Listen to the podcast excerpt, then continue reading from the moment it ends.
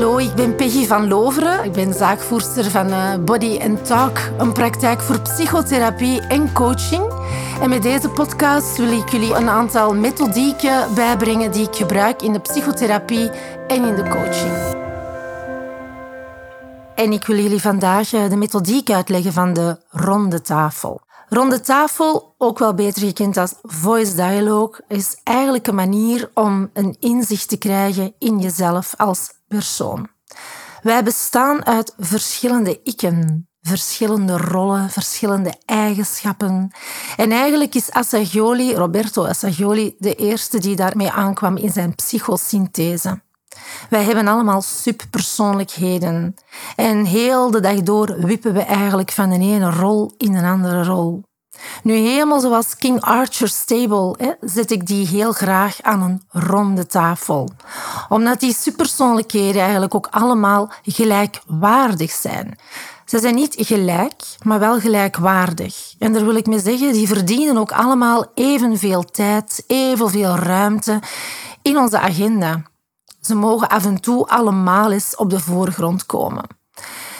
Dus ik nodig jullie eigenlijk allemaal uit om eens inderdaad een, een cirkel te tekenen, een ronde tafel, en eens na te denken over jezelf in verschillende rollen. Dus de moeder in jou, de vader in jou, de partner, de vriend, de vriendin, de werkende rol, maar ook ja, de perfectionist, de, de luie, misschien ook het kleine kind in jezelf. Op die manier gaan we eigenlijk onszelf opsplitsen zeg altijd tegen mijn cliënten, ik ga jullie schizofreen maken, want we gaan uit verschillende invalshoeken naar onszelf kijken.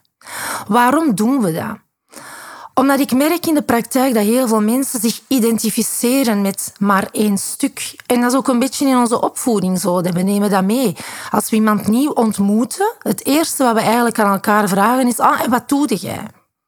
Alsof dat, dat het belangrijkste is of ons identificeert met wie wij zijn.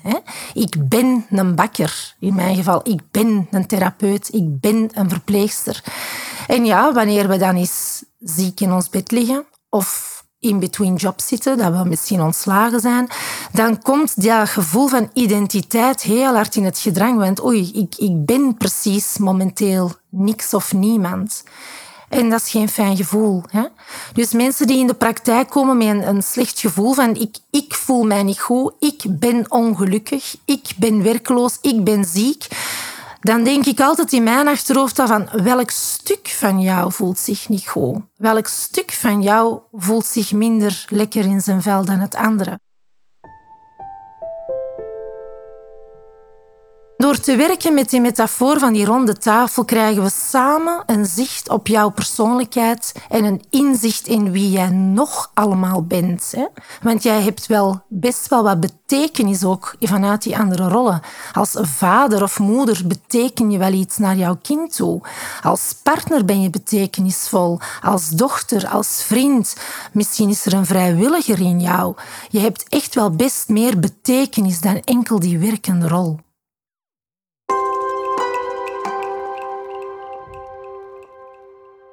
Eens dat je natuurlijk een zicht hebt op je verschillende ikken, op je verschillende subpersoonlijkheden, verschillende rollen, dan begint het interessant te worden.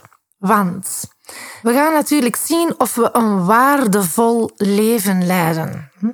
Want elke rol, elke eigenschap heeft ook een waarde. Wat vind jij een goede moeder? Wat vind jij een goede vader? Wat vind jij een goede partner? We vinden eigenlijk altijd van alles. Wij hebben onze eigen normen, onze eigen waarden. En het is heel fijn om eens bewust te worden van, goh, dat is waar, wat vind ik nu eigenlijk? En wat wij vinden, dat heeft met van alles te maken. Met je opvoeding, met waarden die je misschien ergens anders hebt opgepikt in je omgeving. Iets wat je op tv hebt gezien, iets wat je uit een liedje haalt. Wat wij vinden is puur geconditioneerd. Nu, mensen die dat dan even luid op durven verwoorden wat zij vinden. Hè. Ik nu even de rol van ouder nemen. Hè. Ik vind dat een goede vader of een goede moeder die doet dit en dit en dit en dit. Ja, dan is de vraag natuurlijk, doe jij dat? Hè? Voldoe jij aan jouw eigen waarde? Want als dat ergens niet is, als je te weinig tijd hebt om dat te doen. Of dat je merkt dat je eigenlijk ja, die, die deeltaken niet ten harte op je neemt, dan is dat een substuk, een klein stuk van jou dat zich niet gelukkig genoeg voelt en onderliggend eigenlijk een ongenoegen kan laten blijken. Ik zeg altijd, hoe meer stoelen aan jouw ronde tafel die met een ongenoegen zitten omdat ze geen waardevol leven leiden, ja, daar worden dus niet vrolijk van, zal ik zeggen. Dus dan kunnen we dus twee dingen doen. We kunnen gaan zorgen dat we een andere balans krijgen in ons leven. Een andere balans in die ronde tafel. Om wel aan jouw eigen waarde te voldoen. Misschien moeten we minder tijd spenderen aan andere dingen. Om toch maar te kunnen voldoen aan die waarde van jezelf. Of we leggen de lat naar beneden. Als je dan luid op gehoord hebt wat jij vindt, hoe jij zou willen dat de dingen gaan, en het lukt met de beste wil van de wereld niet, dan gaan we misschien ons moeten aanpassen in die overtuiging en het met wat minder doen. Even een praktisch voorbeeld ja, met mezelf, zal mezelf nemen. Hè. Dat is uh, de huisvrouw in mij. Hè. We hebben allemaal een huisvrouw of een huisman. Want een afwas moet gebeuren, de was moet, ge, moet gedaan geraken, de ramen moeten is gelapt geraken. Hè. Stel dat er een huisvrouw in mij zit die zegt er moet hier elke dag stofzuigd worden. Want ik heb hier een kat rondlopen en er moet elke dag gestofzuigd worden. Ik heb misschien ook een perfectioniste in mij die had dat mee beaamd van ja, ik vind dat ook, want de moe deed dat ook. Hè. Ja, en dan heb ik een moeder in mij die zegt van ja, en toch vind ik dat je ook elke week twee, drie dingen samen met je kinderen moet kunnen doen. En dan heb ik nog eens een partner in mezelf die zegt ja, en, en, en mijn man verdient ook elke avond quality time. Hè. We spelen een spel samen. Dan kan het zijn dat mijn agenda uiteindelijk gaat zeggen sorry, maar dat, dat, dat, dat lukt niet. Hè. Want je hebt ook nog je werk en, en je moet ook nog eens langs je moeder. Hè. Dat is een mooi voorbeeld van hoe dat onze waarden en onze normen ons kunnen blokkeren en kunnen ervoor zorgen dat dat niet lukt. Tenzij dat ik beslis om niet alle dagen te stofzuigen, maar misschien maar twee of drie keer in de week of één keer in de week. En dan kan ik mezelf ook bewijzen dat eigenlijk er geen, geen wereldramp gebeurt als dat maar één keer in de week zou gebeuren. Want dan komt er tijd vrij om inderdaad die quality time meer in mijn dochter, in een partner, zelfs in de kat te spenderen. Dus dit is eigenlijk een, een heel praktisch voorbeeld van hoe dat je met jezelf aan de slag kan gaan om meer een balans te vinden in een beetje meer hier en een beetje minder daar. Door deze oefening daadwerkelijk te doen, gaan we zien waar we zelf op botsen. En op die manier kunnen we zorgen dat we eigenlijk een gebalanceerder leven leiden. Dus de ronde tafel, voice dialogue, zo vind je het eigenlijk die term ook terug, hè, kan eigenlijk heel hard helpen in het inzicht creëren van jezelf en tegelijkertijd dus de valkuilen herkennen, maar ook de oplossingen vinden van hoe je dat nu beter aanpakt en ook hoe je gemakkelijker time management kan toepassen in je eigen rollen en je eigen eigenschappen. We gaan ook zien natuurlijk dat er heel veel stukken zijn die samenspannen.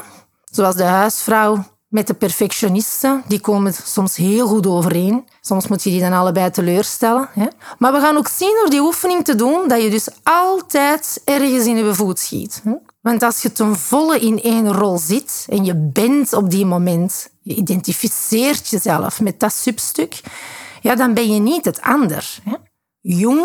Zei ook altijd, if you are the one, you cannot be the other. En dat, dat is ook zo.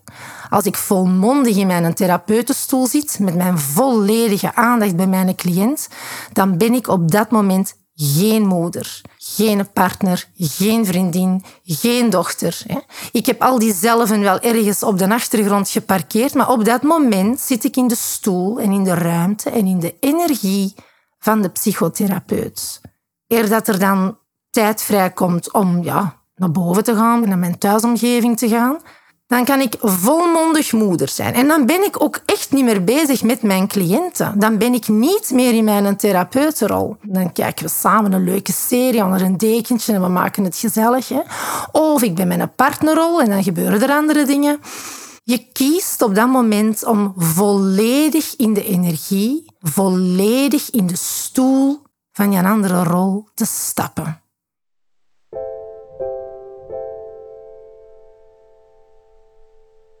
Je wipt bewust van de ene rol in de ander. En je doet het daardoor veel kwalitatiever, veel bewuster, veel meer afgestemd in het hier en nu. En je durft ook andere rollen parkeren.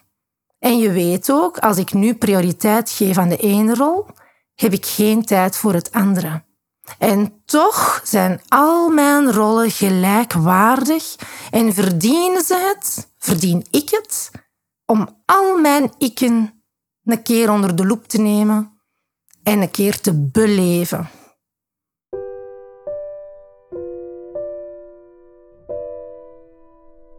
We gaan ook merken wanneer we een zicht krijgen op al onze rollen en al onze eigenschappen, dat daar stukken tussen zitten waar we trots op kunnen zijn, waar we graag mee uitpakken. Stoeltjes waar we ons goed in ons vel bij voelen, waar we heel zelfzeker over zijn. Daar praten we ook graag over. Hè? Over ons vrijwilligerswerk, over, over al onze dingen die we op een goede manier hebben gemanifesteerd. Maar elke mens, iedereen heeft ook ikken, substukken, eigenschappen waar men minder trots op is. Dingen die men liever in de schaduw zet, die men liever verdoezelt, die we nu niet van de klokkentoren gaan, uh, gaan schreeuwen. Hm?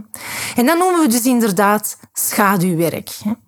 Word jezelf alsjeblieft bewust van jouw eigen schaduwstukken.